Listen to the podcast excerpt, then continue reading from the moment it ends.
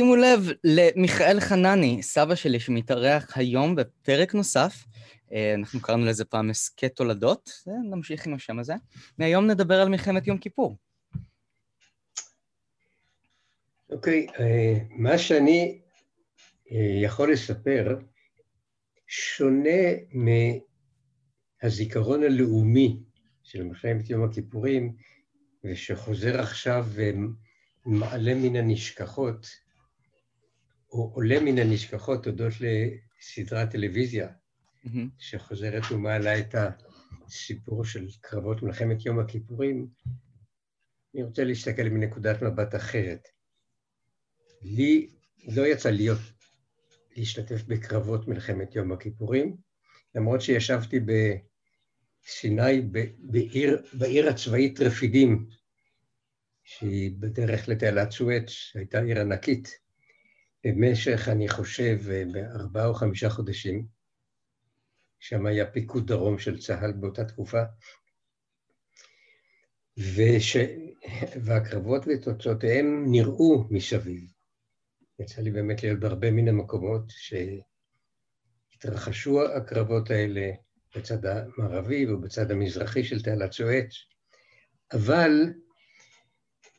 הייתי רוצה להסתכל לא מנקודת המבט שכל כך אה, מקובלת וחוזרת על עצמה, אלא מנקודת המבט שתהווה המשך למה שדיברנו בעבר על, הש...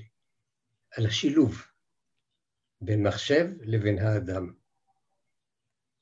השילוב בין מחשב לבין האדם, אני לא אוהב לדבר למילה כישלון, מילה לא יפה כישלון, אבל לימד אותנו כמה עוד צריך לשפר כדי לא לעשות טעויות ענקיות שנעשו במלחמת יום הכיפורים, ובסופו של דבר השפיעו גם על הקרבות, אבל השפיעו על יותר מזה, הם השפיעו גם על כל הפוליטיקה שהייתה סביב הקרבות האלה.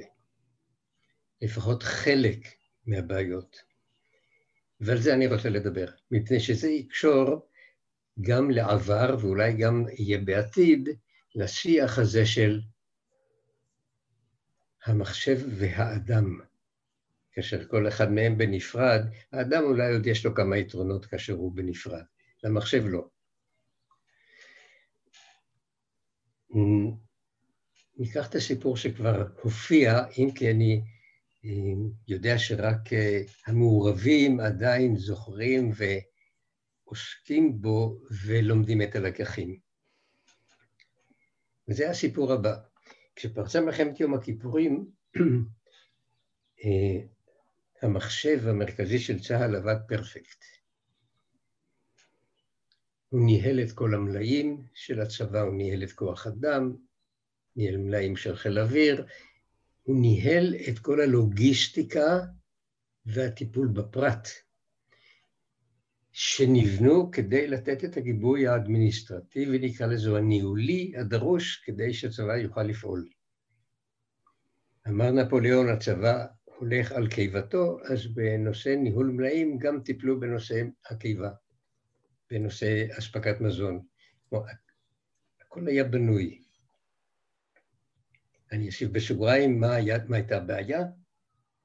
זה, זה היה בנוי פרפקט לעיתות שלום, כשהכול שקט ואין מהומה, עבד בסדר.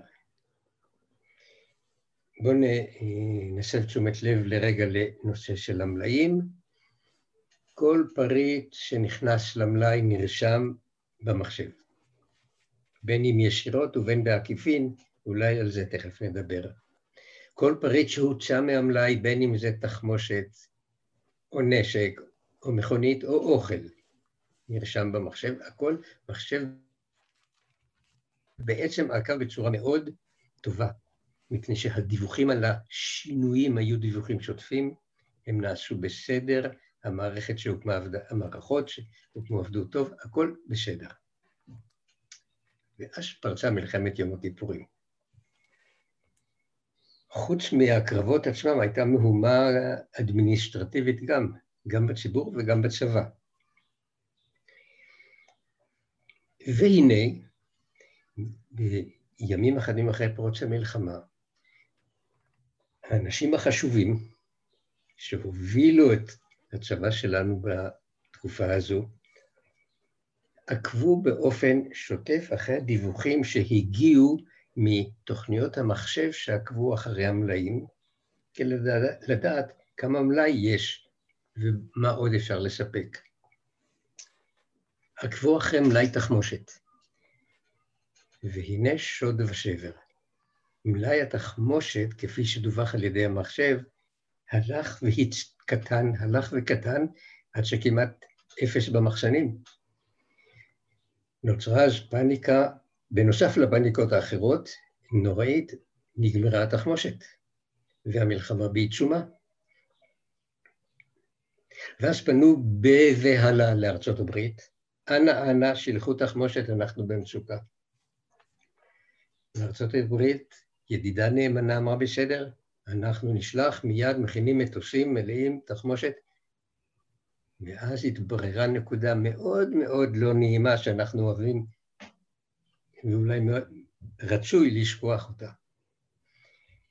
המטוסים שעמדו להמריא מארצות הברית עם כל התחמושת, היו זקוקים לחניית ביניים כדי לתדלק. אמנם אפשר לטוס מארצות הברית עד ישראל ללא חניית ביניים, אבל המשמעות היא שלוקחים יותר דלק. ואם המטוס טוען יותר דלק, הוא טוען פחות תחמושת. ואם הוא רוצה להיות, להביא כמה שיותר תחמושת, אז כמה שפחות דלק. ולכן חניית ביניים לתדלק מחדש ולהמשיך. פנו למדינות אירופה המערבית, כי המזרחית הייתה עדיין מאחורי מסך הברזל. ביקשו, פנו למדינות באירופה המערבית, אחת אחרי השנייה, בבקשה לאפשר למטוסים האלה לנחות על אדמתן כדי לתדלק. כולן נתנו תשובה שלילית. אמרו להם, אבל ישראל במצוקה, מוכרחים תחמושת. ישראל במצוקה, מעניין אותנו מאוד, אתם לא תחנו בשטחנו כדי לתדלק, כדי לספק תחמושת לישראל.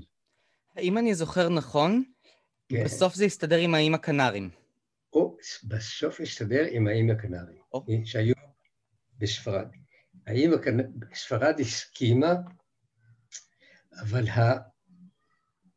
נקרא לזה הנקודה הכואבת, הפוליטית, שכל מדינות אירופה, ובואו נזכור שמלחמת יום הכיפורים, שנת 73, 73, 53, 25 שנה אחרי מלחמת העולם השנייה, לא מצאו לנכון בסך הכל עזרה קטנה לתת לישראל, לאפשר למטוסים האלה לנחות. לא נעים, לא היה צריך להיקלע לפינה הזאת. נקלעו לפינה הזאת. ובאמת, בסופו של דבר, ממשלת ספרד הסכימה שבהם הקנרים ינחתו, יתדלקו, הובאה תחמושת לארץ, הכל לכאורה בסדר, חוץ מבעיה אחת קטנה. לא היה מחסור בתחמושת. במח... המחסנים התרוקנו. ומדוע המחסנים התרוקנו? כי העבירו את התחמושת למשאיות שיובילו אותם לחזית. המשאיות האלה עמדו עדיין במקומות שונים, התארגנו לשיירות, וכל התחמושת שגרמה לבהלה הגדולה הזו הייתה. היא פשוט הייתה למשאיות, והמחשב נתן דיווח על מה שיש במחסנים. והאנשים שקראו את הדיווח עשו את הטעות החשובה והגדולה מכולם. הם לא ניתחו נכון את הדוחות או את האינפורמציה שיש במחשב. פשוט מאוד. ואתה רואה כאן שכאשר, אה, כולנו רואים, שכאשר אין הבנה, מחשב הוא דבר יוצא מן הכלל טוב, אבל אם אין הבנה בדיוק מה הוא עושה ואיך לנצל את האינפורמציה שהוא נותן, אפשר לעשות פשלות גדולות מאוד. וזו אחת הגדולות שהייתה. זו דוגמה אחת. כמובן שזה יצר עוד כל מיני סיבוכים פוליטיים וזה... השאלה היא איך אתה חווית את מלחמה, את כל הדבר הזה שאתה מתאר מזווית הראייה של אדם שהגיע, בכל זאת רק חזרת מארצות הברית, אה, שנים ספורות לפני כן, אה, עם דוקטורט במחשבים, נכון? נכון. ניתוח מערכות מידע. כן. הדוקטורט היה במחשבים, אבל עברתי לעסוק במערכות מידע. אה, אוקיי. כן, נכון. הסמנטיקה הקטנה שאני מפספס, אבל איך אתה חווית את זה במו עיניך? אתה היית בסיני, אתה...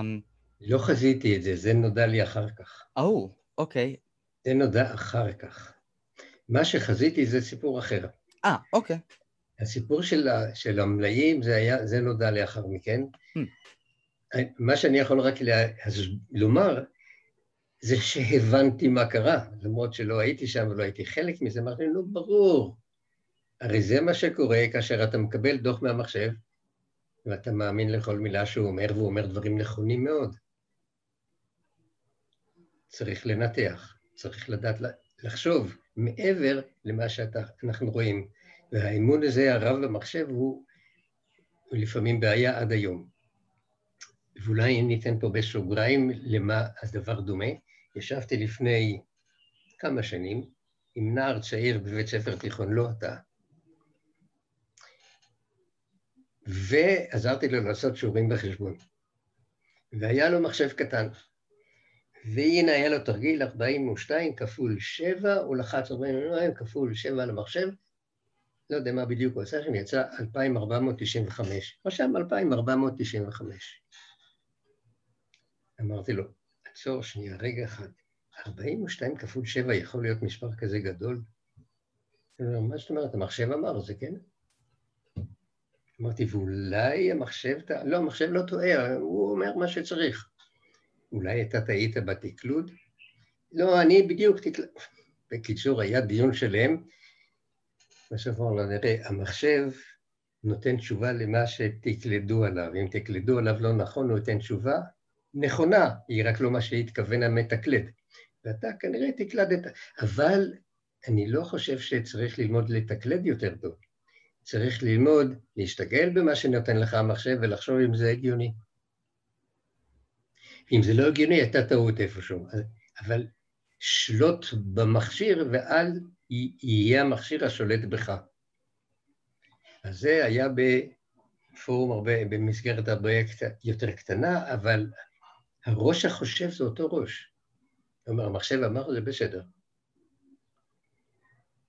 דוגמה אחרת שבה הייתי יותר מעורב, כי הכרתי את המערכות, כי הייתי חלק מ... עשיתי, הייתי מעורב בבנייתן כאשר היינו ברגיעה, כמובן.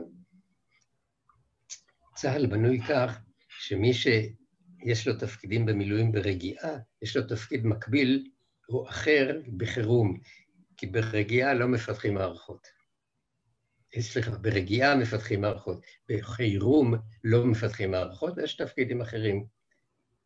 ארגון שלם, ככה התגלגלתי להיות בפיקוד דרום.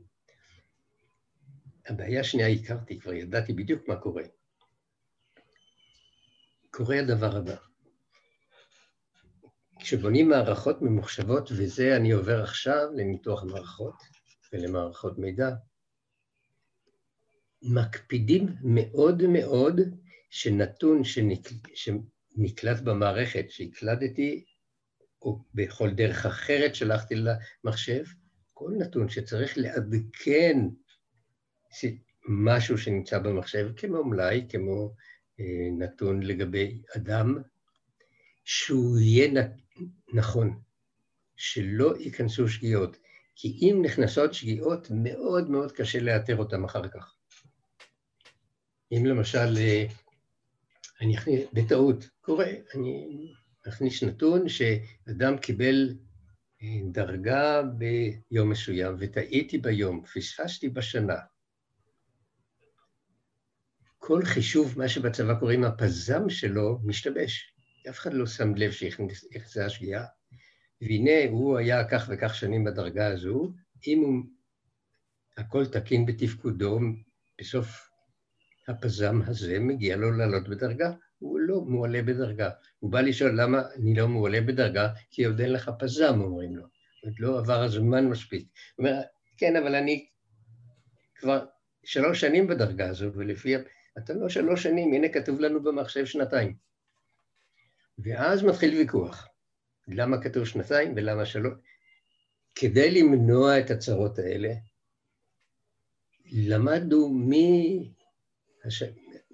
בתקופה הראשונה של ניתוח מערכות, בני מערכות ממוחשבות כך שכשנתון נכנס, הוא נבדק מכל הצדדים, לוודא שהוא תקין ורק אז שייכנס.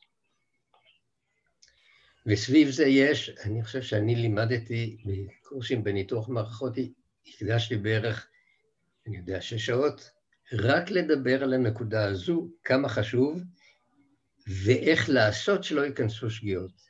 איך לבדוק כל נתון היטב היטב מכל הצדדים שהוא לא נתון שגוי. מה קרה כאשר בא החירום? לצערנו מדובר בבני אדם, וזה לפעמים גם כואב, אבל הדיווחים ממה שקורה עם כוח האדם בקרבות נרשמו היטב. האנשים העוסקים בכך, השלישים ביחידות, עבדו עבודה מצוינת. רשמו הכל, אז לא היו מחשבים קטנים או טרמינלים שמיד מדווחים למחשב, רשמו על נייר ושלחו בדואר שיגיע למרכז המחשבים, ושם טיפלו בהקלדה ובהכנסה של הנתונים למחשב לצורך העדכון.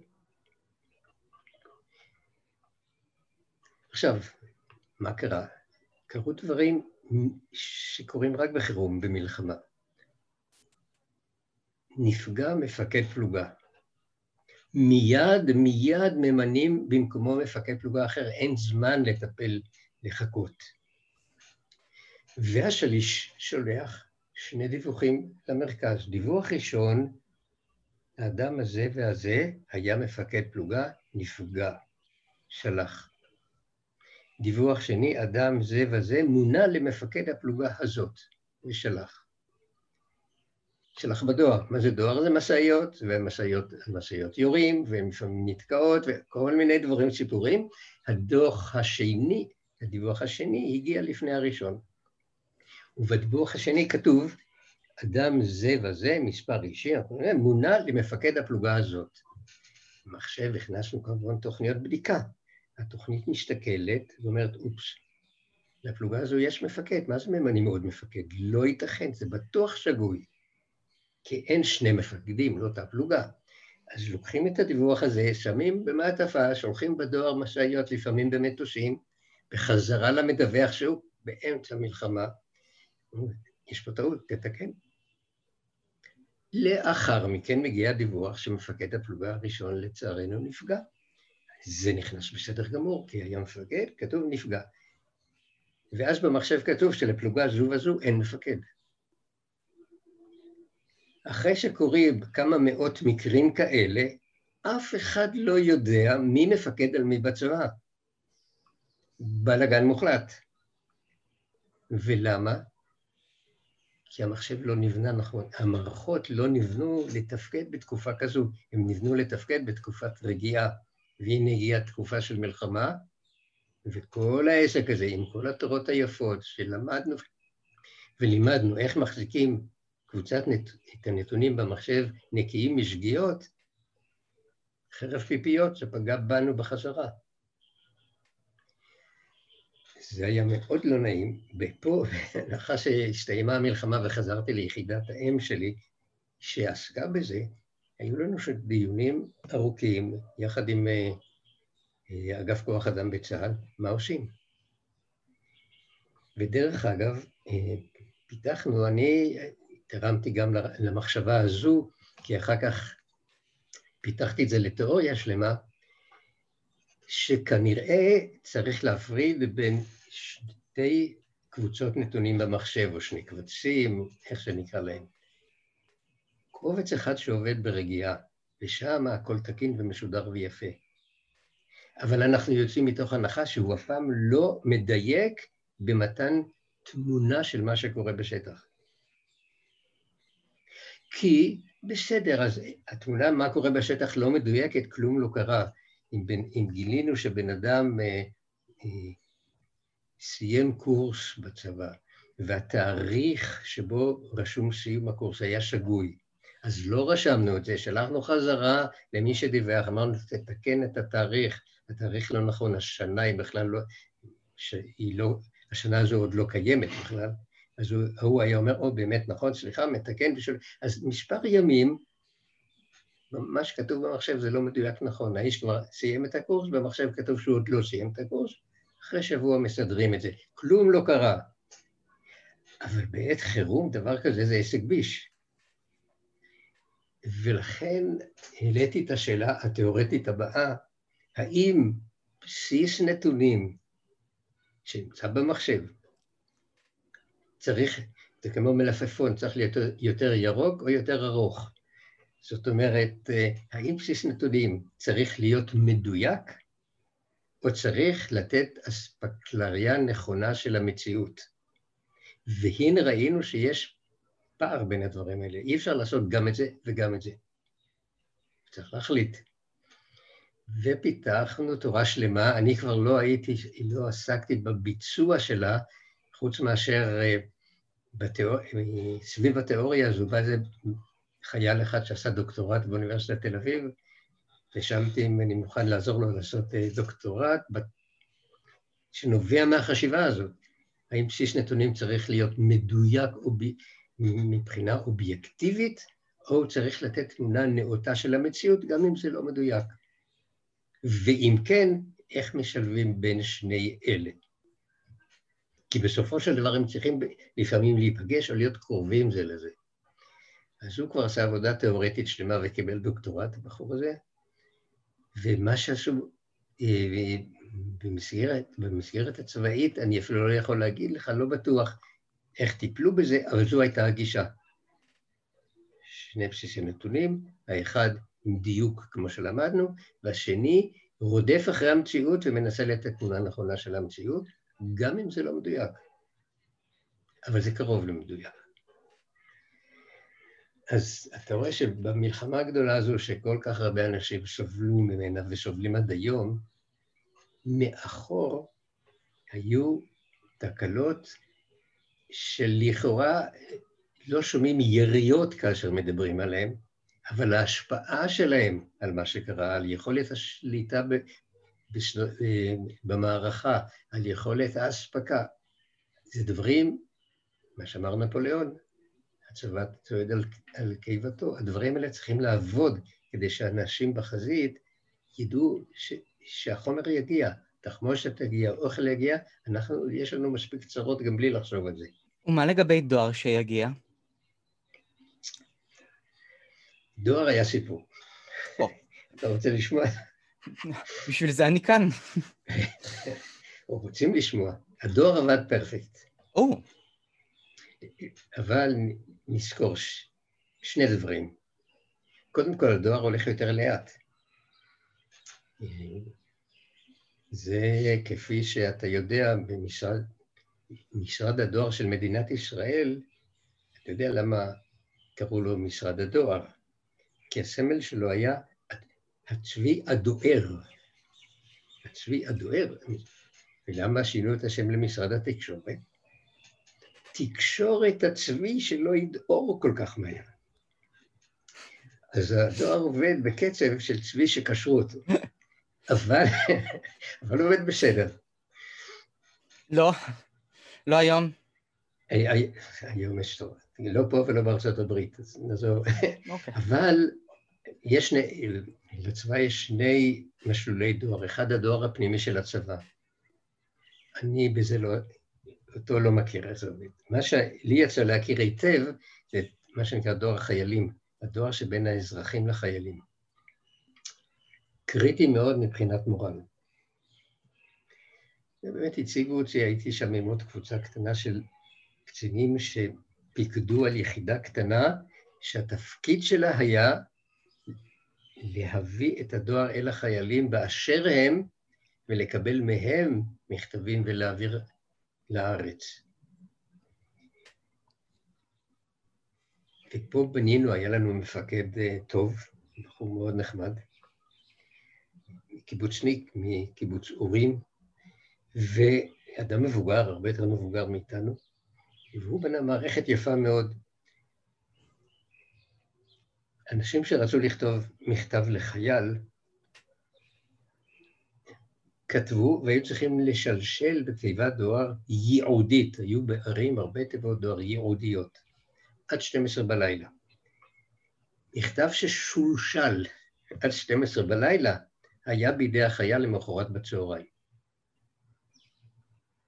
זה, עכשיו מי עשה את זה? בארץ היו אלה שאספו, איתם לא היה לי כל כך קשר, עזבו לתוך שקים את הדואר, פשוט מה שהיה בתיבות, העלו על מטוס. המטוס הזה היה מגיע בבוקר לרפידים, יש שם שדה תעופה גדול מאוד.